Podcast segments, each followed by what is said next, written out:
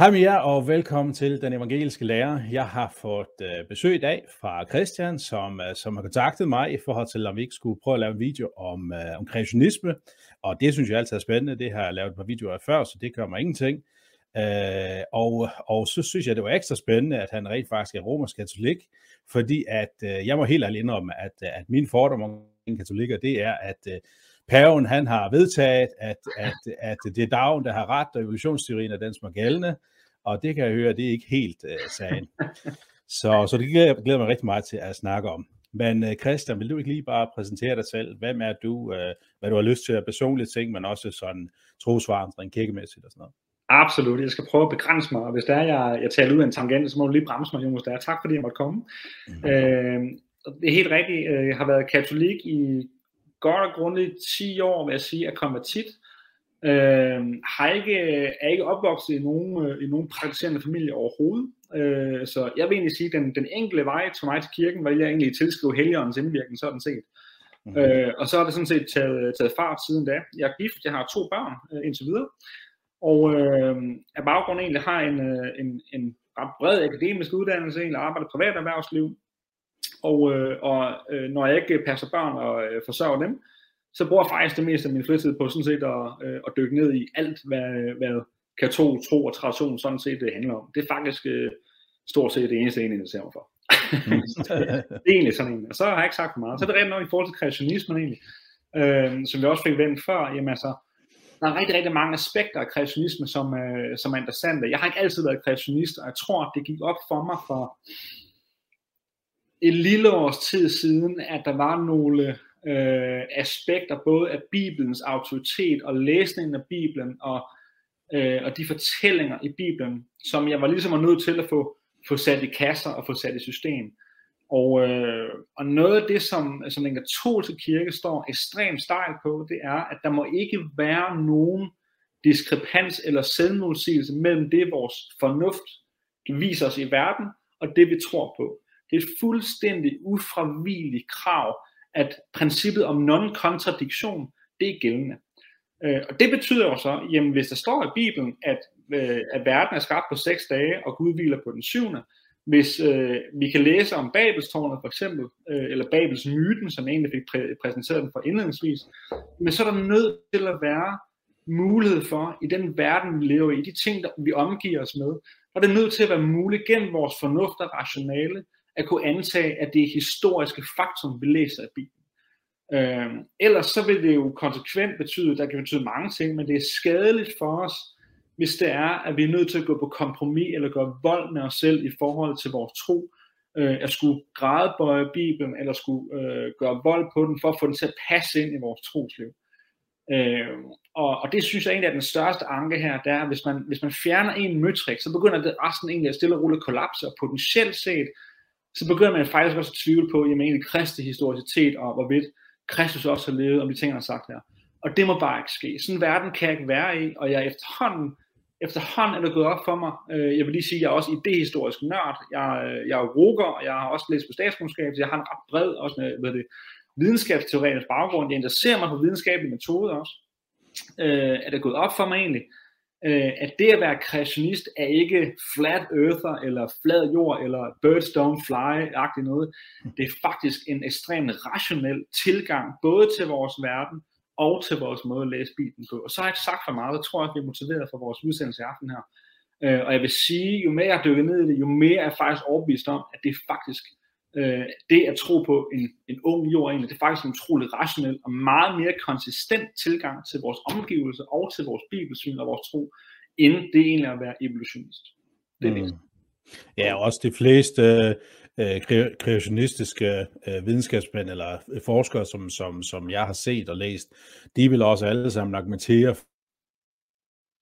punkt i, i Bibelen er sand og så videre, men også at det netop, øh, at de øh, øh, de ting, vi kan se i naturen, de empiriske øh, hvad skal man sige, beviser på nøjagtigt det samme, som øh, en mere cirkulær øh, øh, videnskabsmand vil, vil, vil, vil se på det. Altså nøjagtigt det samme øh, beviser, man tolker det i en anden, i den retning, ikke også? Mm.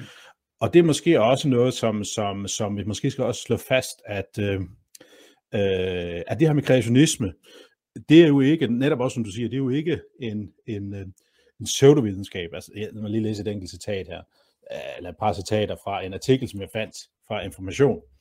Øh, det var en lidt sjov artikel, som, som siger noget om, hvordan forståelsen af kreationismen er. Det er en artikel fra, fra nu skal vi se, hvornår den fra, øh, 2013, 17. Øh, oktober 2013. Det er faktisk en debatindlæg. Skal vores børn i biologundervisningen til at lære, at den kristne Gud skabte verden på 6.000 år siden? De fleste danskere vil sikkert ryste afvisende på hovedet. Det er imidlertid ikke længere en umulig fremtidsdystopi. Sagen er nemlig, at den kreationistiske åndsformørkelse er på fremmarsch i Europa. Og så står der, evolutionsteorien, der er en af de vigtigste videnskabelige erkendelser nogensinde, er med andre ord i stigende grad kommet under pres af religiøse obskur obskurantister og presset der stort i adskillige europæiske lande. Og uh, endelig, den nykreationistiske bølge i Europa er chokerende, fordi den med pseudovidenskabelige argumenter og med stigende succes anfægter den indsigt, vi er kommet frem til igennem århundredets intellektuelt miljø. Uh, og så, ja, måske den her, uh, og nu synes jeg virkelig, de bliver arrogante, men sådan er det. Uh, de siger sådan her, vores viden er eksploderet, vi er blevet utrolig meget klogere på fantastisk kort tid. Nå, for så. Nå, men det var, det var, det var bare sådan lige for at tage, Æh, fordi det, det, det, det fører mig lidt hen til de forskellige tilgange, man har til naturvidenskab. Ikke også? Altså, du har den øh, gængse, øh, øh, øh, rationalistiske, hvis man kan sige, det ved jeg ikke, øh, det, det, i hvert fald den, den, den øh, videnskab, der kommer ud fra oplysningstiden, hvor det handler om at sortere Gud fra, sortere ja. det overnaturligt fra, og så tager vi udgangspunkt i det, vi kan se og måle. Det er det, som er videnskab. Øh, hvor kreationismen har en, et andet et tankemønster, der er noget andet, der, der er udgangspunkt i. Både det her, det empiriske, men også en forudsætning af, at der rent faktisk er noget guddommeligt. Der er noget ja. over det, vi kan se. Ja. Ja, altså det er, jo, øh, det, er jo, det er jo svært at tage en ko og koge ind til en knorterning. Hvis man lige vil gøre et forsøg, kan man sige, så kan man sige, at øh, der er mange, der, der ser en modsætning mellem videnskaben og troen egentlig, og ser egentlig videnskaben som en, en kontinuerlig udvikling af sandhed. Og noget af det, som jeg tror mange, de, også rigtig mange akademikere, øh, må vi bare erkende, der, det er langt de, de fleste, langt det færreste, vil jeg sige, og han har sagt, akademikere, som egentlig interesserer sig ret meget for øh, refleksion omkring, hvordan de rent faktisk tænker. Mm. Øh, og udviklingen i videnskaben har, har egentlig gået fra, jeg tror måske, nu ved jeg ikke, om, om, om vi skal følge vores, øh, vores agenda så stringent, men for at starte med, som, som du nævner, Jon, det er egentlig, at øh, det her, det handler for mig at se ikke om videnskab eller ej, men det her, det handler faktisk om, i hvor høj grad, eller hvor god videnskab egentlig øh, skal være. Fordi videnskaben også har nogle begrænsninger i sin metodik, og også i sine grundantagelser, som, øh, som gør den svag, både i forhold til, hvorledes vi erkender, altså det vil sige, arbejder vi overhovedet med sandhed? Øhm, og så er der også nogle svagheder i forhold til, jamen, inden man overhovedet konkluderer noget som helst, jamen, har man overhovedet øh, håndteret de alternative forklaringer i forhold til ens hypotese egentlig. Mm. Øhm, og jeg tror, skal jeg, prøve at, skal jeg prøve at starte et sted, noget af det, som jeg vil starte et sted, det var nok at sige, at den, den, den moderne videnskabs øh, oprindelse egentlig, starter jo et eller andet sted med René Descartes. Altså mm. det er egentlig, at man øh, set fra katolsk synspunkt, jamen der tager Descartes sådan set lidt øh, og, og gør op med den klassiske øh, skolastik, altså den klassiske videnskabstradition, som findes nok primært i den katolske verden, men også bliver brugt i den, i den, i den lutheranske og protestantiske. Der, der er jo ikke nogen, for mig at se, nogen snitflade der egentlig, og man, man, man bruger egentlig metafysik som disciplin øh, langt op, som meget bekendt, langt helt op til 1800-tallet faktisk. Mm. Øh, men når man gør op med den, noget af det Descartes han gør, det er, at han kaster faktisk hele systematikken over bord. Han siger egentlig, at det er meningsløst at tale om, at ting har formål. Øh, det er meget, meget bedre at se på, hvordan ting de rent faktisk er skabt og bygget, og så at pille tingene fra hinanden. Egentlig. Øh, og uden sådan at, at gøre det komplekst og for at gøre det så simpelt som muligt, så kan man sige, at den, den traditionelle skolastik egentlig, jamen den arbejder med nogle koncepter, som hænger ekstremt stringent sammen med hinanden. Og det vil sige, for eksempel hvis man har en, øh, et glas med vand, for eksempel, så kan man sige, at et, et glas har en, et substans, det, det, den, den er lavet af, den, af noget materie, som for eksempel er smeltet, øh, smeltet sten, så har den også en form, og så har den også, øh, hvad skal man sige, nogle kvaliteter eller accidenser også, og så har den selvfølgelig også en essens, det vil sige et koncept om, hvad den er. Og de fire ting, de hænger sammen med hinanden, og det var de fire ting, som, som Descartes egentlig går op med. Han går egentlig op med, at, øh, at ting egentlig har en form, det vil sige et formål egentlig, i forhold til et sammenhængende system. Og han vil meget hellere tale om, jamen den rene fornuft, den rene tanke, øh, er egentlig adskilt fra kroppen. Og det er faktisk en ret ekstrem, altså det er en ret ekstrem forståelse, fordi han siger sådan set, at øh, at menneskets tanke egentlig er faktisk adskilt fra menneskets sjæl og menneske, eller menneskets krop sådan set. Øh, og det er en meget radikalt synspunkt, fordi øh, i katolsk forstand i fald, så, så siger man jo egentlig, at sjælen og kroppen egentlig øh, hænger sammen med hinanden. Det vil sige, at vi har en, en immateriel del af vores sjæl, og vi har en materiel del af vores krop. Mm, det siger Luthersk også. Så det, det er meget ekstremt her. Og der starter den egentlig med at sige, at den, den rene fornuft, den rene tanke forsøger sådan set egentlig øh, løbe videre med egentlig adskilt fra, hvad der er substanser og hvad der er form. Og at ting har et formål. Og han synes, det er meget mere interessant at se, at ting er mere mekaniske, ting er mere, øh, hvad skal man sige, møtrikker, som vi kan sådan skrue øh, noget skille ad, og egentlig forsøge sådan at, at analysere os for i stedet for. Egentlig. Så det, det er meget, og derfra så begynder man sådan set et, øh, et, et, et rationalistisk, skal man sige, paradigme, som sådan set præger den moderne videnskab helt frem til i dag. Man, man arbejder ikke længere med noget, der er immaterielt. Man arbejder ikke med, at at noget egentlig også findes, altså metafysisk og ikke bare fysisk, og at ting og mennesker og sjælen også kan eksistere. Mm. Al videnskab i dag, den arbejder helt ene og alene ud fra materie, kun stof, altså ting, der findes materielt og ikke immaterielt. Mm. Øh, og så øh, ja, har jeg slået ret store brød op her, men så starter den sådan set derfra, kan man sige. Og så kan man så sige, så er der så nogle andre ting, i forhold til f.eks. Kant og Hegel, som også har påvirket vores tænkemåde egentlig, øh, og som egentlig har en, øh, en, øh, egentlig er, er fædrene til hele evolutionstanken sådan set. Altså hele det egentlig, at, at frem for at se verden som, som er skabt, hvor Gud egentlig gerne vil, vil skabe mennesket i centrum, og gerne vil skabe os til at være i harmoni med Gud, og være i harmoni med vores omgivelser, og leve i kærlighed med Gud, jamen så ser Hegel for eksempel i historien er egentlig en, en udvikling i kamp og i, og i selvmodsigelse grundlæggende. Ikke? Og det er, det er, det er i, øh, egentlig viljens, øh, viljens øh, hvad skal man sige, øh, magt over materien egentlig, og at, at, at historien egentlig er en evolutionær udvikling af kamp om idéer egentlig med den berømte tese med, med, med tese, antitese og syntese, at den, den bedste idé og den bedste, stærkeste vilje, det er sådan set den, der, der, der bestemmer historiens udvikling også egentlig. Og når man dykker ned i noget af det, Hegel har skrevet omkring historie, han er ekstremt arrogant. Han, han skriver for eksempel, min, min hustru, der har citeret mig for det her, så jeg har ikke selv læst det, men jeg har fået nogle andre citater i forhold til Han siger for eksempel, at Ægypterne, de tegnede hunde på deres pyramider, ergo var Ægypterne hunde. Altså det, det, det, det, er, det er så, altså det, øh, for, for noget træk, fordi de gængse videnskabskriterier op af hatten her for eksempel, og den kan vi lige vende tilbage til, men det, det, alene her, så er der nogle grundlæggende antagelser omkring historiens udvikling, og menneskets udvikling, og mennesket hele tiden bliver, bliver forfinet, bliver oplyst, bliver, bliver, bliver, bliver, øh, bliver forædlet, som grundlæggende ikke hænger sammen, når vi ser på vores historie i forhold til, hvad de ting, vi omgiver os med. Mm. Øh, for lige at, at dobbeltklikke på, og, lige, og nu skal jeg nok stoppe mig selv her, men jeg er ret begejstret for nok omkring det her, men det er egentlig, at når man for eksempel kigger på pyramiderne, og det er noget, det er noget, det, som, som, som egentlig øh, tiltrak min opmærksomhed for, for godt over et år siden, det var faktisk, at når man ser på for eksempel pyramiderne i dag, pyramiderne er så bygget med, med en så ekstrem præcision. Øh, jeg tror, det er inden for 0,5 øh, grader på et kompas, peger mm. det mod, øh, mod magnetisk nord. Når man mm. har en laserstråle inde i for eksempel i, uh, en af kammerne og i skakten der, det er bygget så præcist, at man ikke engang kan gøre det i dag.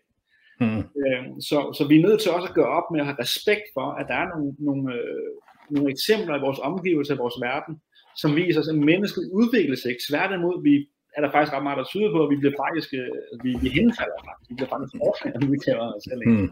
Mm. Øh, og og, og det, den, det er lidt den arrogance, du også ser nogle her, som egentlig, men det er et, et hegeliansk udviklingssyn, et hegeliansk øh, videnskabssyn, og i særdeleshed historiesyn, som også har præget meget af Bibels tænkning, i hvert fald siden 1850. Mm. Ja, ja, det betyder vel også, at når vi snakker om formål og sådan noget, så er det, så, så er det subjektivt, så noget vi tillægger, ikke også? Altså hvis ja. du skal snakke om formålsting, så er det kun det, som vi, vi øh, bestemmer, det skal være. Ja. Ikke også? Ja. Mm. Ja, altså det er, jo, øh, det er jo simpelthen fordi, at, at når man taler om hvad ting er, eller ting om substanser, så taler man i hvert fald i den traditionelle skolastik om, øh, om primære og sekundære substanser. Primære substanser kan være Gud, og, og, og, og sekundære substanser er nogen, som deltager i Gud og i logos egentlig. Øh, så alting er skabt med et formål, som passer ind i Guds skaberværk. Mm. Alting fra en blomst til et træ til en bæk til et bjerg er skabt med et formål i nogle hierarkier, som passer godt med hinanden. Mm. Øh, og som er skabt egentlig til at pege mod Gud, og egentlig at herliggøre Gud i hans skaberværk. Og mm. det er mennesket selvfølgelig også. Vi er også skabt med et formål til at elske Gud, og til at have venskab med Gud, og til selvfølgelig at herliggøre ham. Mm. Øh, og vi er også skabt med en sjæl, som også kan skabt til at elske Gud, fordi noget af Guds essens også er øh, er kommet over i vores sjæl, også i forhold til vores rationale, som vi deltager i.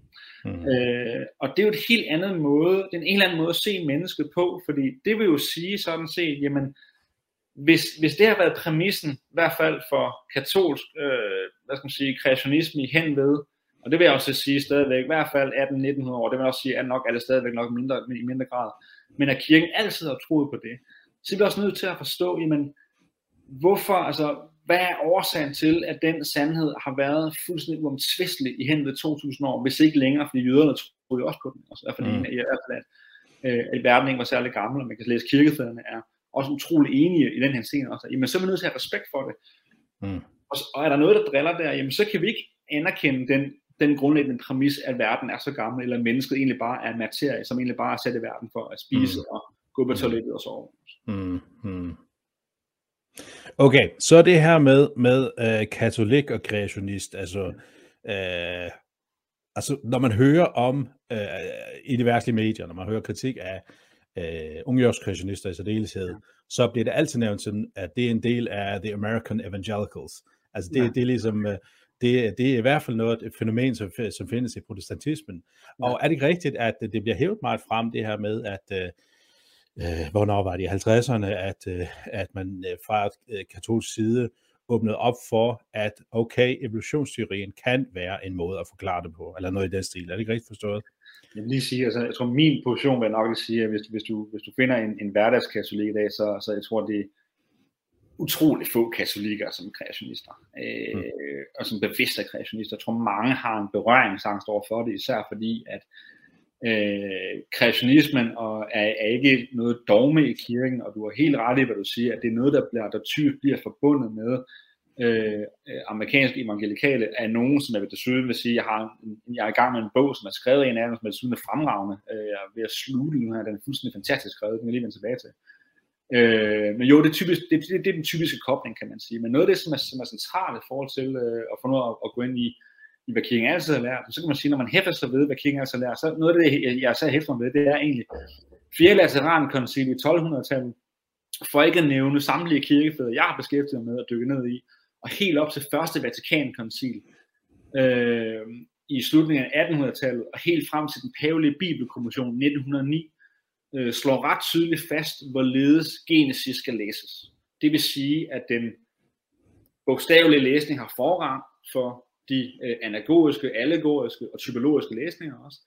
Øh, selvfølgelig også med afsæt i kirkefædrene også. Øh, og også det, at, øh, at det er ret snævert, hvorledes man kan læse selve, selve det hebraiske ord yom i Bibelen især der. Man kan godt læse det som noget, der er længere end et døgn, men man kan ikke antage den position, at, øh, at der er tale om mange tusind år. Det kan man simpelthen ikke. Øh, Thomas Aquinas taler også om en, en skolastiker, meget berømt, øh, systematikere, som er utrolig kendt, også i, i hvert fald i katolske kredse også, arbejder også ud med en, øh, inden for en, en, en 24 timers øh, tolkning af, af skabelsen også. Han tager faktisk afsæt i, i, i St. Basilius også, sådan set, som man citerer i sin læsning, eller sin, sin kommentar til, øh, til hexamoren også.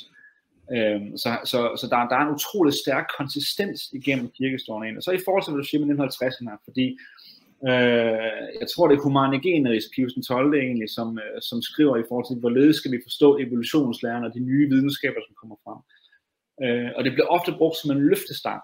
Øh, mm. især, og det er, vil jeg også bare erkende, det er især katolikker, der er ret gode til at, at bruge det lidt som, ah, men nu har vi, nu er vi blevet klogere, vi, vi ligesom, vi har forsonet os med den moderne verden, det er ikke længere noget issue, og nu er vi alle sammen venner osv., øh, og man hiver den gode øh, franske pres frem fra 1920'erne, som opfandt evolutionsteorien, eller hvad det Big Bang-teorien der, ikke? og siger, nu, øh, nu, nu, er, nu er den hellige grad velforvaret. Også. Øh, det, det, man skal hæfte ved med humanogener, det er, Pius 12 er meget tydelig, når han siger, jamen, at evolutionslæren må ikke ophøjes til sandhed. Han er meget, meget eksplicit i at sige, at vi, vi er nødt til at antage, at mennesket, altså Adam og Eva, er virkelige historiske mennesker. De er skabt med en sjæl af Gud. De får blæst deres sjæl ind i kroppen af Gud også. Og de deltager og er skabt til venskaber med Gud selvfølgelig. Øh, selvfølgelig falder det også i synden selvfølgelig. Øh, men, øh, men det er den præmis, vi skal tro på, og det skal vi også der. Så. Altså. Øh, og så har kirken sådan set lidt undgået det issue sidenhen, fordi, og der kan være mange grunde til, jeg vil tro, min, min, min, min personlige min personlige antagelse, grunden til, at man lidt har undgået spørgsmålet ved at tro, har været, at man dels har man glemt skolastik. Det er den ene ting. Den, den anden ting har været, at man, øh, man har ikke selvtilliden i orden. Man har simpelthen glemt at forsvare den sandhed egentlig der. Og det, det er et problem, fordi med den, der mister man sådan set også selvtilliden til at tage Bibelen og især skriften øh, alvorligt som en autoritet. Øh, vi har jo tre autoriteter i, øh, i Kirke, der er den hellige skrift, den hellige tradition, og så er der kirkens lærerembede, øh, når, øh, som, som, som udlægger traditionen og skriften for os også. Ikke? Men, men det er vigtigt også, og det synes jeg især katolikker skal huske på, det er, at den hellige skrift er også en ufejlbarlig autoritet, der er inspireret af Gud, og så fortæller os på bogstavelig vis, hvorledes vi skal forstå vores pilgrimsfærd på jorden. Øhm, og det er ærgerligt, fordi at øh, der er meget, altså, jeg vil sige, den, det, det, det, det allerstørste problem for mig at se, det er, hvis man tager Genesis 1-11 for eksempel, øh, og mener, at det er mytestof eller poesi, jamen hvordan skal man så forstå Abraham for eksempel på jorden? Er Abraham også en mytologisk person egentlig? Hvad mm. så når Kristus taler om Moses? Jamen, før Moses var, er jeg. Mm. Øh, der er masser af koblinger til Nye Testamentet egentlig, hvor han taler om loven og profeten egentlig. Han er meget eksplicit omkring det. Han taler om mm. Moses stol især. Øh, og så har man stille og roligt, så bevæger man sig ud af en tangent, hvor at det bliver meget svært, når ens børn bliver ældre og vokser op og spørger far, de siger over i skolen, eller de andre siger, at det her det er egentlig bare en røverhistorie. Og mm. så har vi et meget, meget stort problem, fordi vi skal mm. opnå vores børn tror, det er pligt til at gøre, øh, og det kan vi gøre, og vi bør have en hver selvtillid til at gøre det, fordi det, og det kan vi dykke meget mere længere, i, øh, længere ned i, med at sige, den, øh, det er faktisk utrolig rationelt at tro på en, en skabende Gud, som rent faktisk fortæller os, hvorledes verden rent faktisk er. Mm. Ja, det er masser af videnskabelige eksempler. Ja, ja. Altså jeg har blevet, øh, øh, og det har jeg også hørt andre, der, der øh, er ungejordskreationister, der er blevet øh, anklaget for, at når, når jeg øh, går op i det her, når jeg påstår, at jorden er 6.000 år skabt på 6 øh, dage, så får jeg unge kristne til at forlade troen. Okay. Altså, jeg, jeg kender, altså det, det der med, at man, at man øh, øh, og, og det er netop fordi, at man er så, så vil jeg ser det i hvert fald, ja. så fokuseret på, at, øh, øh at den tolkning, som man har af øh, øh, øh, har af naturvidenskab eller af evolutionsteori osv., at den er øh, at, at den er sand, og derfor øh, bliver man nødt til at få det passet ind i. Og hvis vi ikke gør det, så bliver vi kristne, der, der hænger i fortiden, som ikke vil øh, lytte til. Altså, så, så bliver vi lidt som flat earthers, som man kan sige det sådan, ja. ikke også? Ja. Har, øh, kender du til den, den kritik? Øhm, Ja, jeg har ikke, jeg har ikke oplevet det direkte. Jeg, jeg tror egentlig bare, det, det jeg har oplevet, det er, at folk bare undgår spørgsmål. Det, det er ikke nødvendigt at forholde sig til, eller det er ikke så vigtigt, eller der er ikke behov for det. Hmm. Øh, og, og jeg vil sige, ud fra et trosmæssigt perspektiv, men også ud fra et rationelt perspektiv, så giver Bibelen simpelthen ikke nogen mening, hvis det er, at vi ikke rent rationelt kan antage, øh, at den er sand. Og jeg tror egentlig, når vi taler om sandhed, det er faktisk det er et meget fint eksempel, fordi noget af det, som mange de tror, at videnskab beskæftiger sig med, det er, at de tror, at videnskab beskæftiger sig med sandhed. Mm. Nej, det gør det ikke. Altså, videnskab handler øh, mere om tvivl, og det siden Descartes har tvivlen været en præmis for, mm. hvorledes man ser på verden og på sine omgivelser. Man, man antager altid, det gør man også i videnskaben i dag, man har mm. en man arbejder med det, man kalder for rimelig tvivl inden for nogle, i hvert fald matematisk set, nogle konfidensintervaller, hvor man siger, mm. her kan vi uden for enhver rimelig tvivl antage, at det her det hænger sammen med hinanden. Men man taler mere om korrelation, når man skal tale om årsager og kausalitet, men mm. sandhed er ikke et område videnskab, men det beskæftiger sig med. Den interesserer sig ikke for perfekt sandhed, fordi sandhed er i sin, i sin, i sin essens perfekt og uden fejl. Mm. Øh, så skal vi tale om sandhed, så er vi nødt til at gå til skolastikken og metafysikken og forene mm. den igen med den rationelle videnskab. Det mener jeg godt, man kan sådan set. øh, for en at sige, hvad er det vi for nogle grundantagelser, vi har om vores verden, når vi nu laver videnskab. Øh, mm. For at tage de, de, fire, de fire videnskabskriterier for eksempel. Øh, det er meget fin kobling, vi på ned i, fordi nu tager de, de, de fire videnskabskriterier, man bruger både inden for, for, for, for viden, naturvidenskab og samfundsvidenskab, nærskole i, så taler man egentlig om fire ting. Det er falsificerbarhed, generaliserbarhed, afvisning af alternative forklaringer uden for genstandsfeltet, og replicerbarhed, det vil sige gentagelighedskriteriet. Det vil sige, at man skulle tage samme metode, samme eksperiment, og gentage det igen med nogle andre forskere under samme rammer. Mm. Så når noget skal falsificeres, vil sige, at man skal opstille en snæver hypotese, der er veldokumenteret, at noget skal være generaliserbart, skal sige, som har tilstrækkeligt empirisk grundlag for at kunne sige det, og, og, de, og, de, og, og af alternative forklaringer betyder også, at man skal, man skal også skrive sig ud af, jamen, hvad er det for nogle alternative forklaringer, vi ved, der ikke hænger sammen. Mm. Og man tager de fire kriterier for videnskaben i dag egentlig, og ser på, hvorledes evolutionslæren er undfanget, og hvad for nogle præmisser den er bygget på, så behøver man ikke engang at være kristen for at afvise evolutionslæren. Det er mm. så tyndt og så, undskyld med sprog, det er simpelthen en gang, øh, det er simpelthen en gang hejs, også? Fordi det er, det er så tømt, og det, og, og det, det, de, de, øh, de grundlæggende præmisser for, øh, for evolutionslæren egentlig, som egentlig kommer fra, fra øh, for lad os bare tage den geologiske søjle for eksempel, som, som er, er grundlagt af Charles Lyell og Charles Hutton. Der siger Charles Lyell sådan set selv, jamen hele hans grundlæggende præmis er egentlig bare at skabe et antimosaisk paradigme. Altså det er en mm. biologisk tilgang, man har i midten af 1800-tallet, som er formet af en rationalistisk verdenssyn, hvor man mm. ikke tror på, at der findes noget immaterielt eller noget metafysisk. Alting mm. findes. Det er egentlig bare materie. Det er egentlig bare øh, det, øh, stof. Så der mm. findes ikke noget immaterielt, som vi kan forholde os til egentlig overhovedet. Mm. Øh, og allerede når man tager den grundlæggende præmis egentlig, og ser hvordan Charles, altså Charles Lyell bygger sin geologiske søjle op, jamen så, hvis præmissen der er, at der ikke findes nogen Gud, jamen allerede her, så gør man vold på de videnskabelige kriterier i første omgang, fordi man ikke forholder sig empirisk eller teoretisk sammenhængende til sine omgivelser. Det er faktisk mm. dårligt, ikke også? Og det, mm. så, sådan noget kan selv en, en bachelorstuderende på, på, på, på, på, på, på, på hver samfundsvidenskab uddannelse godt gennemskue. Altså. Mm. Øh, og det, det, det er faktisk utroligt ringe. Øh, så det er en ideologisk tilgang, man egentlig har til, til sin omgivelser. Og så tager man jo egentlig bare den geologiske søjle, man graver ned i jorden, man, man finder nogle ting, som man, man så bygger søjlen op med, hvor teorien bliver styrende, men empirien bliver ikke styrende. Det vil sige, de ting, vi kan observere i vores omverden, bliver ikke styrende for, hvordan vi rent faktisk ser den. Fordi hele præmissen af paradigmet er, at Bibelen ikke er sand. Og allerede mm. her har vi et problem. Mm. Øh, øh, og, og det behøver man ikke engang at være kristen overhovedet for, for at antage. Man skal egentlig bare være en, en en nørdet akademiker for faktisk at løbe med den tanke sig til. Mm. Øh, og så har vi sådan set, altså, så har vi sådan set det, det videnskabelige paradigme bygget op. Bare for at tale omkring videnskabelige paradigmer, for eksempel kan man sige, jamen, fordi de fleste fysikere arbejder også i dag med, øh, at, øh, at tyngdeloven for eksempel virker. Det er jo ikke sådan, når man laver videnskab, at, at man skal til at bevise tyngdeloven igen. Man arbejder med nogle paradigmer omkring sit, sin, sin videnskab, hvor man siger, at vi antager de her de ting, inden vi forsøger at bevise den her tese her engang. Mm. Øhm, men lad os nu antage for eksempel, at der havde været en global fodbølge, at Noahs ark er en sand historie for eksempel, jamen så bliver videnskaben faktisk lige pludselig interessant i en helt anden grad, for så skal vi pludselig til at forholde os geologisk til jamen de grundlæggende antagelser, vi ser i geologien, eller i, øh, ja, det kan også sådan set også være i, øh, i den, øh, i den øh, hvad skal jeg sige, biologiske videnskab, sådan set, eller for nu at sige antropologien, hvis vi antager, at Bibelen rent faktisk er sand, hvad for nogle ting empirisk i vores verden kan vi se, der faktisk stemmer rigtig godt overens med det? Og der er eksempler på videnskabsfolk, som faktisk også er evolutionister, som faktisk siger, jamen, den geologiske søjle og det her med, at, at, at, at, at jordlagene er samlet over mange millioner år, den hænger ikke længere sammen, fordi vores empiri og vores videnskab passer ikke længere på de grundlæggende antagelser.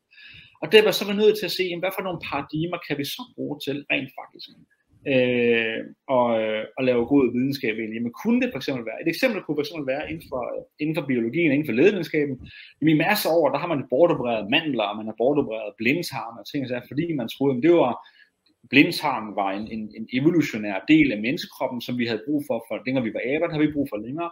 Og man bortopererede dem så, for folk de blev hundesyge også, ikke, af den ene eller anden grund. Og man fandt sig ud af, at det var da sjovt, at vores mand, det er faktisk en del af vores immunforsvar. Ikke? Der, der er faktisk en immunforsvar, som nyder godt af, at vi har mandler. De, så de passer ind i et system med en substans og et formål, som, som er med til at gøre os raske også. Måske skulle vi holde op med at bortoperere så mange mandler. Og det, det, det, hele præmissen for, at ting har selvfølgelig et formål, hvor de er skabt ind i en perfekt skabt virkelighed, af en mm. intelligent skaber, som hedder Gud.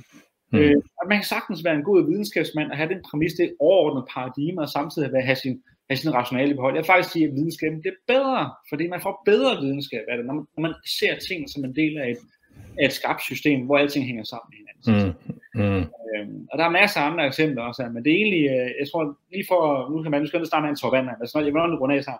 Mm. Jeg vil bare sige, i forhold til at vende tilbage til Hegel igen, det er, at når, når Hegel har en præmis om, og det er egentlig lidt Hegel, der egentlig hjælper Charles Darwin med egentlig at blive evolutionist, det er, når, når han ser Hegel, altså, når, når Hegel siger, at, at hele vores udvikling er en, er en kamp øhm, mellem, mellem tanker og mennesker og skabninger også, ikke? og menneskets menneskets liv på jorden også er en kamp imellem mennesker. Egentlig. Øhm, og var, så tabte jeg lige tråden en gang. Jamen, så, så, så, man sige, så, så, øh, så er han egentlig også med til egentlig at, at nære for eksempel marxismen, altså marxismens øh, øh, grundlæggende menneskesyn, som egentlig også er, at mennesket er egentlig bare et kamp mod sig selv imellem klasser, men hvor, hvor mennesket også bare er, et materielt væsen, som egentlig bare skal, skal leve af materien, og hvor materien er den højeste gud, Så, så Hegel og Karl Marx er utroligt tæt på hinanden. Og vi kan bare se i 20. århundrede, hvad sådan en menneskesyn i forhold til abort, og i forhold til, til hvor mange krige, der har været. Altså, der er flere mennesker i 20. århundrede, der bliver slået ihjel end i foregående 19. samling også. Altså, det, der, mm. det, det, det, er et menneskesyn, som, som er så langt fra, hvad Gud gerne vil med os. Fordi vi har en Gud, hvor, som elsker os, som er perfekt kærlighed, som, som har skabt os til kærlighed, og som har skabt mm. os, fordi han elsker os, og fordi mm. er skabt til at elske ham og herliggøre ham. Øh, og det, det, det, det synes jeg egentlig, at kunne, er meget opbyggelige fortællinger omkring det egentlig, kan man sige. Og det, så der, der, er masser af, der er masser af gode fortællinger, som, som, som egentlig burde, burde med vores, vores øh, selvtillid til jorden, kan man sige. Mm. Uh, nu siger du, du et og blev katolik for 10 år siden, så gætter jeg på, at du har øh, øh, gennemgået sådan, hvad hedder sådan en katekese eller sådan noget, øh, inden du blev øh, ja. øh, medlem af Katolsk Kirke jo også. Ja. Hvad, hvad, hvad, øh, øh, hvad siges der der om skabelsen? Hvad, hvad siger den øh, romersk katolske kirke om, om skabelsen, eller rettere sagt, synet på, på skabelsen, syns på, på Genesis 1-11 for eksempel? Det er ikke noget, man beskæftiger sig med. Øh, desværre. Øh, uden at fornærme nogen, vil jeg sige, det, jeg, jeg, jeg gik på det, man i brede kreds vil sige, det, det, det, det bedste, eller den, den kvalitativt bedste konvertithold, det var i København. Øh, Øh, andre steder er, er kvaliteten, øh, for at sige det meget pænt, øh, øh, potentialet er enormt, må jeg sige. Øh, den er meget begrænset, men man, man, man har slet, slet ikke øh, i, i forhold til sakramental forståelse, i forhold til hvad, hvad øh, i, i forhold til hvad, hvad, øh, hvad, hvad menneskets øh, sjæl, hvad mennesket skabt til, hvad, i forhold til syndefaldet, i forhold til de rent dogmatiske ting, der, der, der, der er elastikken ret slap, vil jeg sige, mange steder. Også. Og det er synd, fordi kirken oplever, det en ret stor tilstrømning af folk, der gerne vil optage til kirken også. Mm. Øh, man har også blandt klerisid og siden man egentlig opgav øh, tomismen og, og Thomas Aquinas egentlig i, i kølvandet på koncilet, der, der, har, der har præsten også lidt meget under, at de ikke er særlig gode til egentlig at forklare kreationismen ud fra en systematisk udlægning, kan man sige. Og det er virkelig ærgerligt, fordi at øh, kreationismen og, og kirken tilbyder en utrolig, utrolig stringent øh, og meget rationel måde at se øh, skabelsen på. Øh, faktisk startende med Guds essens og hele vejen tilbage til, øh, til, øh, til Johannes åbenbaring og det nye Jerusalem er vores person og har med evigheden igen også. Øh, så det, mm. øh, det, det er desværre. Øh, ja. Det er desværre, ja.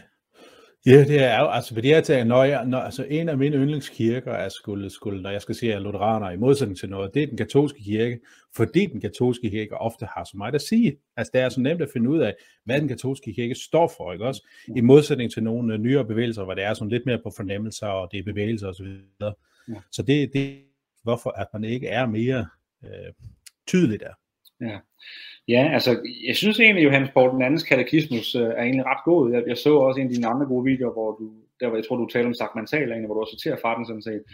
Øh, og den er egentlig relativt stringent. Den forsøger trods alt at, at, at, at udlægge egentlig, at, at Bibelen og hagiograferne siger, øh, at vi må erkende, jeg tror, jeg, tror, jeg for at citere, vi må erkende, at Bibelen lærer sandheden med stort S. Det står der også i den nye katekismus. Så det, det ligger sådan set lige til højre benet at samle det op, øh, mm. og, og, og der er faktisk utrolig mange ressourcer, især også på internettet, men også i den nye katekismus, som sådan set godt kan forsone en, en, en, en, en ungdomskreationisme sådan set, og en, men det er ikke noget, man dyrker. Øh, mig bekendt heller ikke blandt, øh, blandt præster øh, i, i nogen grad. Og der, nu er det også, fordi vi har også ret mange andre problemer at slås med. Der, ved, men der er en, der er en god, god gardin borgerkrig i gang, en to kirke på siden egentlig også. Mm. Øh, så det, det er ikke noget, der er på så mange læber. Mm. Øh, men man kan sige, i forhold til øh, relevansen af en, af en seksdages skabelse og, og, og, og skabelsesuge som sådan, øh, der er så mange paralleller til øh, menneskets eksistens og vores verden egentlig, når man, når man ser på skabelsen egentlig, og hvor systematisk den rent faktisk er. Øh, hvordan Gud rent faktisk skaber øh, verden ud af ingenting, altså ex nihilo, som vi siger egentlig. Mm. Øh, så skaber han det sådan set, øh, og nu bliver det lidt halvfilosofisk her, men han skaber det sådan set, kan man sige, nogle hierarkier, som ontologisk set i tid alle sammen virker samtidig øh, på samme vis, og er designet til at virke samtidig med hinanden. Og fjerner man mm. bare en eneste lille del af dem, tyngdekraften, mm. eller du kan vælge hvilket som helst ting, du vil i det periodiske system, sådan set, så mm. kollapser det hele fuldstændig. Også. Mm. Øh, og det er både utroligt smukt, men det gør altså også, at når vi, når vi ser, hvorledes videnskaben har udviklet sig, især socialvidenskaben de sidste 200 år, hvor, hvor usammenhængende den er, og hvor, øh, hvor inkonsistent især den er. Den, den er nemlig, der må nemlig gerne være modsigelser, og helst gerne så mange som muligt egentlig. Jamen hvis man gerne vil have sin rationale i behold, og hvis man godt kan lide at være i harmoni med sine omgivelser, hvis man godt kan lide at være i en verden, hvor det man kan se og opleve og føler, det også stemmer overens med ens gudsrelation, så vil jeg sige, så, så, så ender man, det gør jeg i hvert fald, øh, et sted, hvor man siger, men den seks dage skabelsesberetning er faktisk utrolig præcis og utrolig nøjagtig mm. øh, og utrolig smuk. Mm. Og, og det det, øh, Thomas Aquinas har masser af ting at sige til det, sådan set. Men man kan sige, det stærkeste argument, og der er mange, du har ganske hørt det der med ursuppe-teorien, eller der har været en ursuppe, hvor ting kravler op af osv. Hvis man antager præmissen om, at substanser, altså når, når noget bliver skabt materie, når noget er, for eksempel hvis en zebra bliver skabt, eller en, øh, et træ bliver skabt, hvis al materie og stof, der bliver skabt, det må have en eller anden form at der ikke kan være nogen substans eller noget materie, der ikke har en form rent konceptuelt. Alting, alting har en form i en eller anden grad. Mm. Der kan ikke være noget materie, der ikke har nogen form. Det er umuligt. Mm. Det er fuldstændig umuligt. Jamen så, så er vi nødt til at antage, at det er skabt ex nihilo med det samme. Mm. Mm. Øh, fordi formløs materie er, er, er, kan, kan ikke lade sig gøre. Der, der findes ingenting i vores verden, der ikke har nogen form. Alting har form. Så formen på en glas informerer, så at sige, mm. det materie, der er smeltet sten, ikke også? Så det får mm. form som et glas, ikke også? Mm. Og det er faktisk utroligt spændende måde at se på en blomst. En blomst er, har en form som en blomst, den har et vegetativt stof inde, som er skabt til at være i en organisme, som er skabt af Gud og peger mod Gud, fra den får sol til den kigger mod solen, og den får næring egentlig. Hmm. Ser vi sådan set, at verden er utrolig smuk, og at hmm. Guds skaberværk faktisk er i alting, vi omgiver os med. Hmm det synes jeg er ikke bare rationelt set en sammenhængende måde at se verden på, men det er også en utrolig kærlig måde. Det er en kærlig Gud, der har skabt os, fordi han elsker os, og han svigter os aldrig nogensinde. Mm. Øhm, og på den måde, så kommer mennesket, i stedet for at mennesket egentlig har været periferien af historien, i stedet for at mennesket har været skabt og udviklet over mange millioner år, mennesket kommer i centrum af historien. Mennesket kommer ind i midten. Vi, vi er æblet i Guds øje, og vi er skabt, mm. fordi han elsker os. Mm. Øhm, og ellers så er mennesket en tilfældighed, en noget, der er i vejen, noget, der kan bortskaffes, og som ikke har noget formål. Og den position må vi ikke heller ikke som kristne antage. Den er forkert, mm. den er ukærlig, og den er mm. også ulogisk, vil jeg også sige. Mm. Ja, ja, helt sikkert. Jeg er helt enig. Øhm, kirkefædrene, øh, de gamle kirkefædre, tænker jeg på. Øh, nu har du nævnt den øh, nogle gange, at, at, at de helt klart øh, over en kamp er ungjords kreationister, i hvert fald ja. dem, du har beskæftiget dig med, ja. når det gørs. Kan du nævne nogle eksempler på det? Um, nu skal jeg lige prøve at begrænse mig en gang. Uh, ja. Jeg lavede, et, jeg lavede et blogindlæg, hvor jeg egentlig finder, jeg sådan farer til bunke sådan set. Jeg tror, den her kirke, jorden er ung, siger de her. Okay. Uh, og, uh, og det er en retten, altså, jeg tror, det er også det vigtige at sige, at, at, at når, når kirkefædrene siger noget, så, så er kirkefædrene, det er ikke, det er ikke nødvendigvis stormer, det, det som er, det som er en, en øh, det, det, det, som vi har pligt til at tro på, det, det er den hellige tradition egentlig. Men det er ret sammenstemmende, når, når kirkefædrene sammenstemmende faktisk antager en, en seks dages skabelsesuge, sådan set. Øhm, så er vi også nødt til at acceptere, at det er sandt. Og det gør kirken selvfølgelig også gennem historien. Nu kan prøve at komme nogle, jeg vil lige prøve at se, om jeg kan, øhm, øh, komme med nogle citater og nogle af dem der er lidt lange, og der er også nogle af dem, der er lidt, øh, øh, som er lidt kortere engang, men altså faktisk, hvis jeg bare lige prøver at name det omgang her, faktisk lige fra, lige fra Augustin, der er skedet citat af Augustin, hvor han faktisk tager udgangspunkt i en gammel, undskyld, en, en ung jord, øh, tager udgangspunkt i en seksdages skabelse, Sankt Basilius Caesarea har jeg nævnt før også, øh, Chrysostomos har jeg nævnt i Tjanskines kommentar, øh, Sankt Efraim Syren, øh, Sankt Basilius igen, øh, Irenaeus sågar flere gange, Hilaire de Poitiers, øh, Peter Alexandria, Athanasius mod Afghanistan, Lactantius især, Isak Syren, øh, øh, Ambrosius fik jeg nævnt også, tror jeg egentlig. Altså, der, der, der, der, der er så mange, som på så kort tid, og noget, noget af det, jeg synes er interessant, er, at Kiev er ikke sådan set, de er enige. Øh, for det, det synes jeg er meget fint. Vi kan godt sidde klart selv på skulderen og sige, at de, de antager egentlig en seksdags skabelse, men de interesserer sig faktisk også for den øh, idehistorie, der var på samtiden i forhold til, hvad den græske øh, filosofi dengang tog udgangspunkt i. Så de talte faktisk i kontrast til øh, en periode i historien, hvor man troede, at verden bare altid havde været der. Mm. Verden havde bare altid været skabt. Øh, nogle filosofer, jeg tror det er Lukret, tror jeg, øh, mener, at alting er materie, der findes ikke noget, der er immaterielt, mens øh, jeg tror at selvfølgelig Platon og Aristoteles, de mere, øh, de bliver mere populære, øh, selvfølgelig arbejder man i immaterialitet, men tager udgangspunkt i en, en uendelighed, at verden bare altid har været der. Øh, så man kan sige, at evolutionisme egentlig er um, noget af det, som kirkefædrene egentlig gør, det er, at de, de tager faktisk udgangspunkt i den jødiske tradition i en meget, meget, meget øh, stringent måde, fordi de kendte godt den jødiske tradition. Mm. Øh, de første biskopper, som kendte apostlene, kendte også godt den jødiske tradition. De, de, øh, apostlene gjorde selvfølgelig også, fordi de selv var jøder. Øh, så man kan sige, den, den jødiske tradition egentlig er nøglen til at forstå, hvorfor var det så vigtigt for dem, at de talte op mod den baserende idéhistorie dengang. Så evolutionismen er som sådan ikke noget nyt. Det er faktisk mm. gammel vin på nye flasker, sådan set, fordi at man egentlig går tilbage til en hedens måde at se verden på, frem for at se verden, som er både er skabt til perfektion, at mennesket er skabt til perfektion, øh, og at verden er skabt perfekt og sammenhængende sådan set. Og vi mm. også er skabt til at deltage og blive perfekte gjort sammen med ham. Også. Så det, mm. det er egentlig, øh, vi kan egentlig finde de steder, der lyst til det. Jeg, der, det. jeg tror også, jeg ved ikke, om folk de får så meget ud af en, at jeg bare sidder så højt, at vi godt prøve at tage mm. en med. Lad, lad os derfor, det er Augustin her, lad os derfor tro og om muligt forstå, at Gud arbejder indtil nu, så at hvis hans operation ophører, ville alle skabninger gå til grunden. Men hvis, hvis vi nu antager, at Gud skaber en skabning, uden at have plantet arten i sit oprindelige skabelsesværk, så skulle vi jo direkte modsige den hellige skrift, som siger, at på 6. dagen afsluttede Gud alle sine arbejder. Mm. Det, det, det, og det er bare for at komme et eksempel også her, også.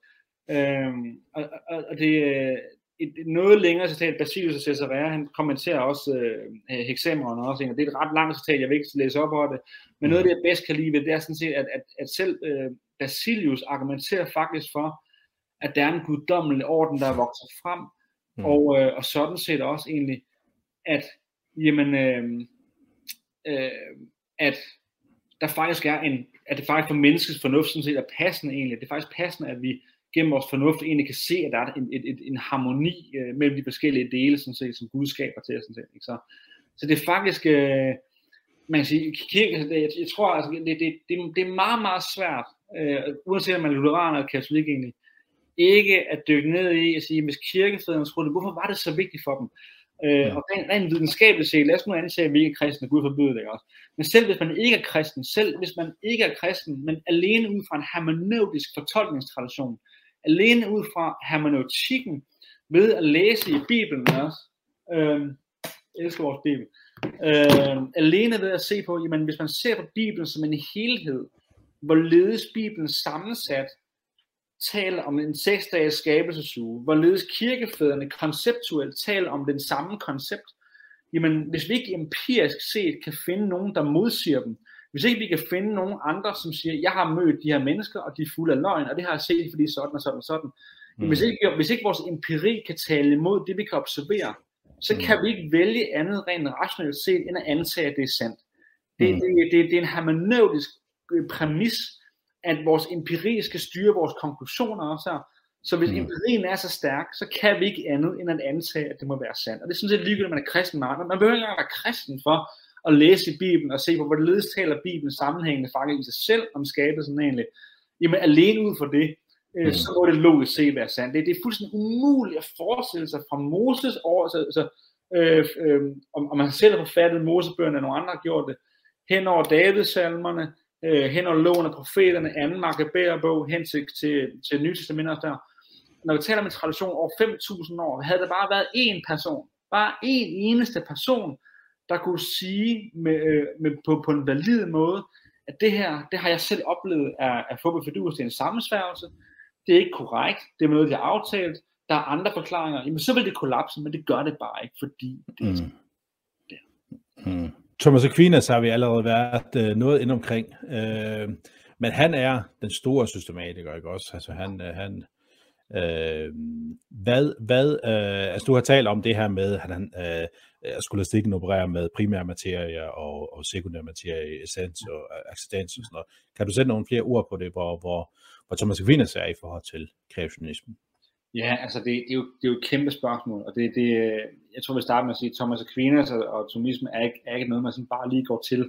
Mm. Øh, det, det, han, Thomas, lige for at forklare også dem, der ikke kender Aquinas, kan man sige, det er, at, at Thomas bruger den aristoteliske systematik egentlig til egentlig at forklare, hvorledes teologien egentlig hænger sammen. Øh, og han skriver sit, sit, sit magnum opus, er jo Summa Theologiae, øh, altså hele teologien, øh, oversat egentlig, som egentlig er bygget op på den måde, at den starter egentlig med Guds essens, og så starter den så i et, det, det han kalder for et, et exitus reditus system, det vil sige, at den starter med, at mennesket eller skabelsen udgår, og mennesket kommer tilbage til Gud igen. Så det er en sammenhængende teologisk system, han bygger op med aristoteliske midler, men han bruger også elementer af Platon, og det gør skolastikken også. Det, det er ikke sådan, at Thomas ejer øh, Aristoteles, og de andre ejer Platon. Det, det, mm. det virvar af forskellige måder at tænke på, som skolastikken hænder. Det er jo lidt en lang snak.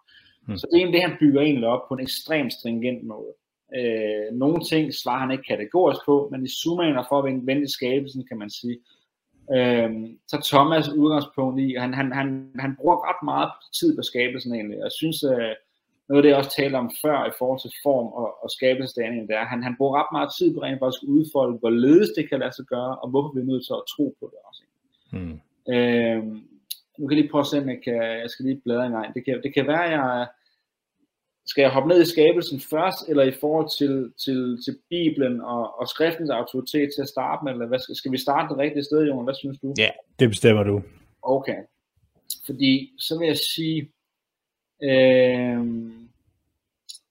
øh, jeg tror det er første del af skal vi se gang her, øh, alle, alle syv dage i sig selv taler han om her engang. Øh, og så i artikel 2, det er prima pars egentlig, øh, spørgsmål 74, artikel 2 egentlig, øh, hvorvidt alle de her, disse dage er en dag egentlig. Øh, og i artikel 3, der spørger sig, hvorvidt skriften bruger passende ord til at udtrykke arbejdet på de seks dage. Øh, og det interessante der, det er, at når, når han skal svare på det spørgsmål for så vidt skriften at bruger et passende ord til at udtrykke seksdagsskabelsen egentlig, øh, så, så nævner han faktisk Augustin sådan set, i en genesis kommentar sådan set også her. Øh, men noget af det, der egentlig er ret centralt, er, at han, han nævner faktisk den 24 timer skabelse sådan set. Øh, nu skal jeg lige prøve at se, om jeg kan finde uh, de 24. Der kommer nok en klik der. Jeg kan finde det rigtige sted. Det kan være, du kan hjælpe mig en gang. Hvad er der for nogle specifikke ting med, med skabelsen og Thomas, du gerne vil, du gerne vil høre mere om, Jon? For så kan vi starte det rigtige sted, hvis det er. Ja, altså det jeg tænker på, det er mere hans, øh, hvad skal man sige, bagved.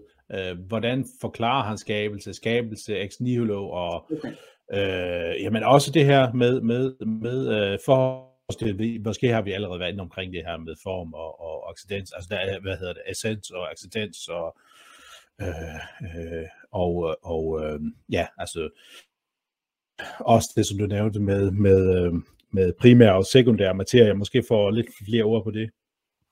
Ja, man kan sige, øh, bare for at gøre det enkelt egentlig, Thomas, Thomas arbejder med en skabelse egentlig ex nihilo.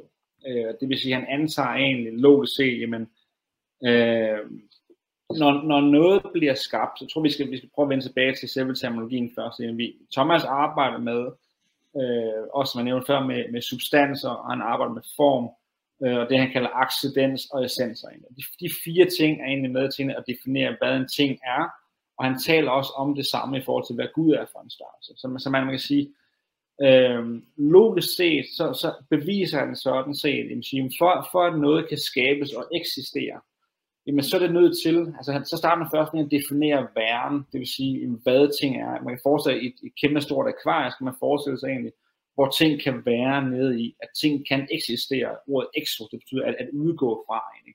Mm. Så når man har en essens, det vil sige en tanke, vi kan prøve at lege, prøve at lege med tanken omkring for eksempel en tanken om en trekant. Så de fleste mennesker vil være enige i, at hvis alle mennesker på jorden forsvandt, så vil selve konceptet trekant stadigvæk eksistere. Det vil stadigvæk være derude. Vi kan bare ikke se det materielt, men det findes stadigvæk i materielt. Mm-hmm. Øh, så man kan sige, at Gud skaber, altså Gud skaber egentlig, det er det, man siger, at Gud er logos egentlig, han skaber egentlig alle koncepter, der kan være, men når han skaber den, den materielle verden egentlig, så skaber han også alle substanser. Mm. Øh, altså ex nihilo og instantan. Han taler med instantan og øjeblikkelig skabelse. Mm. Øh, og det er man nødt til, fordi hvis man ikke antager en øjeblikkelig skabelse, så er præmissen sådan set, og nu begynder man måske at lave nogle koblinger til, hvorfor øh, Big Bang-teorien heller ikke passer rent, rent videnskabeligt set, men faktisk meget interessant, fordi øh, øh, ting er nødt til, når de er skabt substantielt, så, så er de skabt med, både som jeg sagde før, en form, men de er også skabt med nogle kvaliteter. Og det vil sige, det som bliver skabt, har en eller anden form for reminiscens af skaberen. Det er ligesom at sige, hvis du har en statue, med, som er lavet af marmor, jamen så kan man sige, at statuens form, det er jo den form, altså formen af Michelangelo for eksempel også, ikke? og materien eller stoffet, det er marmor. Også. Mm. Og så kan man så tale omkring accidensen, det vil sige kvaliteten af, i hvor høj grad, hvor godt ligner den en statue også. Ikke? Og så kan man også tale omkring essensen af en statue, det vil sige det rent konceptuelle i forhold til, hvad en statue er for noget. Så for at de ting, de hænger sammen, for at form ligesom informerer stoffet egentlig, og giver det form og giver det liv eksistentielt, det vil sige, for at det kan være i den materielle verden, mm. så er det nødt til at være skabt øjeblikkeligt, fordi øh, hvis ikke det var tilfældet, så skulle substansen selv kunne skabe sig selv. Det vil sige, så ville der være nødt til konsekvent at være skabt nogle gudesubstanser, som havde en kvalitet, hvor de kunne overføre deres essens til andre substanser. Og del af den præmis, som evolutionsteorien er bygget op omkring, det er egentlig, mm. at man starter som en skildpadde, eller en mm. padde, eller you name it, ikke også? Øh, paddedyr, ikke også? Øh, som så har de kvaliteter, øh, også den essens, som kan gøre, at de kan overføre deres, deres øh, accidens og essens til andre skabninger også. Men det er bare logisk umuligt, fordi at den, altså, Thomas arbejder i sin skabelsesteori med, at, at årsagen er altid nødt til at være større end effekten. Jeg tager den lige igen årsagen er altid nødt til at være større end effekten. Effekten kan aldrig være mindre end årsagen. Det, det, det, det, er, en, det er en logisk problem øh, at påstå det. Og hvis man tager øh, naturvidenskaben, jamen, så kan vi faktisk se, at det er også det, vi observerer i naturvidenskaben. Tag for eksempel, øh, nu mange år siden jeg har gået i folkeskolen, det, det periodiske system for eksempel. Der kan man jo se, at ting henfalder. Så, så det er faktisk lige modsat. Altså tag den, den anden, der er også noget inden for øh, øh, fysikken, den, den anden termodynamiske hovedsætning, som siger, jamen, energi vil hele tiden forsvinde og blive mindre. Vi kan faktisk se, at, at alting henfalder og forsvinder faktisk.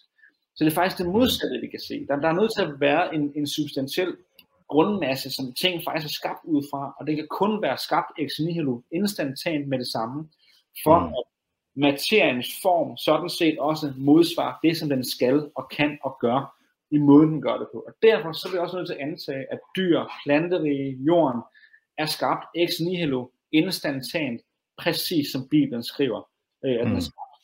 Øhm, og det, det er faktisk den eneste logiske konklusion, man kan drage ud af det, fordi ellers så giver vores verden simpelthen ikke nogen mening. Det, det, det er ikke det, vi observerer i, i verden dag, hvordan tingene virker. Det, det, det passer faktisk hånd i hånd mm. en substansform accidens tankegang, kan man sige. Det var meget komplekst egentlig, men det er bare... Ja, ja, det, så fint. Øh, at, at det egentlig, altså skabelsesberetningen igen, den, den er faktisk den mest præcise fortælling omkring det, fordi den fortæller, hvordan Gud bygger sine hierarkier. Han bygger et hus, som vi kan bo i, kan man sige. Jeg har en bog af Peter Lightheart, jeg virkelig gerne vil anbefale. Han er også en protestant fremragende en bog, øh, virkelig. Øh, som egentlig fortæller, hvordan, hvorledes Gud faktisk bygger sit hus til os, som vi kan bo i, men hvor også gør det på en systematisk måde. Øh, så det var så, at vi er nødt til at antage, øh, især når skriften også gentagende gange på kryds og tværs, egentlig både i salmerne og i, Exodus og øh, i anden Maccabæerbog og i Nye Testament, at vi kan se, men at, at, han, øh, at den, den gentagende gang tager udgangspunkt i en ex nihilo skabelse egentlig. jamen så er det nok, fordi det er sandt. Det er nok, fordi det er sandt. Mm. Øh, altså det, det, lige for at, at, at spinde en krølle på, på videnskab, også min kone der koge noget vand og sådan ting. øh, man, man kan sige, at øh, tag nu for eksempel, øh, ja, en elkoger for eksempel. Altså, vi ser, når, når vi koger noget vand, vi ved, en liter vand, der er der noget energi, som vi kan bruge i en eller anden forstand. Men når vi koger det vand for eksempel, øh, og det bliver lavet om til damp, jamen den, den, den mængde damp, vi kan indsamle, den har ikke den samme mængde energi, som vandet har. Så det vil sige, at energien forsvinder faktisk sådan set. Øh, og det er egentlig sådan et, øh, det er egentlig det, vi kan se overalt, når vi brænder ting af, eller forbruger dem, eller ting forsvinder i vores verden, så kan vi sådan set se, at det er egentlig en, en, en grundlæggende præmis, at det er ikke muligt at lave en evighedsmaskine, som man forsøger at gøre med, med dammtog, eller en, der kunne køre for evigt. Det er helt altså gøre, fordi energi vil hele tiden forsvinde også. Mm. Øh, og alene, alene den præmis i forhold til, øh, til evolutionslæren og, og Big Bang-teorien, er faktisk nok til at gennemhåbe Big Bang-teorien fuldkommen. Den, den, den, den, den er ikke i overensstemmelse med øh, helt fundamentalt øh, sige, øh, fysik, altså de, de, de fysiske love, som vi kan observere, og som vi alligevel er nødt til at antage, mm. øh, er ikke i overensstemmelse med det. Der er ikke noget empirisk bevis for den. Det er en teori, man har trampet rundt i i noget tid egentlig, og man er vældig glad for.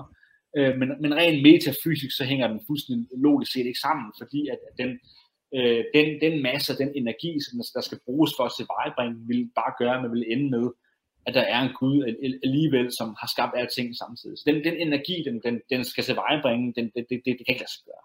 Mm. Det, kan det simpelthen. Så det er egentlig for at sige, at Aquinas er faktisk, øh, jeg vil ikke sige visionær, men han er, han, han, han, han, han er formår øh, gennem sit fantastiske intellekt faktisk at, at udlægge øh, skabelsesberetningen utroligt systematisk sammenhængende, fordi han bruger det aristoteliske sprog til at fortælle os, hvorfor er Genesis 1 faktisk sandt.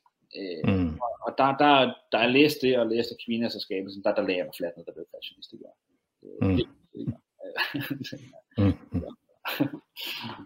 mm. Øh, det var, var langt svar. Ja, det er så fint. Vi skal til at runde af. Vi er... Øh, øh, har du... Øh, har du noget som øh, sådan afsluttende kommentar, du har lyst til at komme med, komme, komme med inden jeg sådan runder af? Øhm, ja, jeg har, øh, jeg har lovet sådan set, øh, måske lige vise øh, den bog af Peter Lightheart, lige vil, vil anbefale. Jeg kan også bare sige, hvad den hedder, for så behøver jeg ikke rejse mig op. Mm. Øhm, jeg er i gang med at læse den øh, bog af Lightheart, som hedder øh, A, House, øh, A House for My Name, egentlig. Øh, altså et, et hus til mit navn.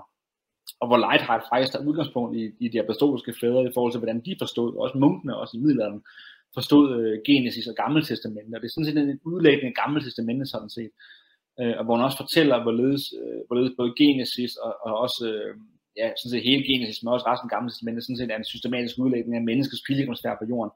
Mm. Øh, jeg synes, det er en fremragende bog. Den er, altså Lightheart er protestant, det, og, det, og jeg tror, R.C. Sproul har også anbefalet, at den kommer forover til den.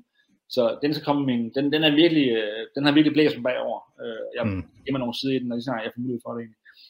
Øh, og så vil jeg sige egentlig, altså, at, at jeg vil virkelig opfordre folk til egentlig også at finde, ikke så meget at læse Genesis, men alle de andre steder i Bibelen, som også taler om skabelse i nihilo. Anden Makkabærbog, jeg tror det er 26 eller 27, der skriver de eksplicit også der, øh, at Gud skabte verden ud af intet egentlig. Øhm, og og det, det, er lidt, øh, det er lidt en, en, en, en korsvej, no pun intended, man står på. Øh, man behøver faktisk ikke engang at læse Genesis, for en eller anden mm. en øjeblikkelig skabelse, eller for en Genesis mm. at læse bogstaveligt. Mm. Salmene tager udgangspunkt i en skabelsesberetning også egentlig, øh, en seks dages skabelse, at vi skal arbejde i seks dage og holde, holde hviledagen hellig, er jo, er jo, er jo helt oversendt til, at Gud har skabt os til også en at leve overensstemmelse med, med, mm. med det, han gerne vil. Øhm, så jeg vil virkelig opfordre folk til, altså det, det, det er faktisk med at se, hvilke ting peger, peger i retning af det. Hvad for nogle ting troede jyderne også på? det giver grund mm. til, at man bare skal antage det egentlig. Mm. Øh, og så vil jeg også anbefale at sige, prøv at undersøge nogle af de, øh, de evolutionsforskere, som ikke nødvendigvis er kreationister, men som også taler imod evolutionsparadigmer. Så der er ved at komme en del af dem. Der er nogle af dem, der sågar har savet i dinosaurusknogler, fundet blod, øh, mm. vilde ting.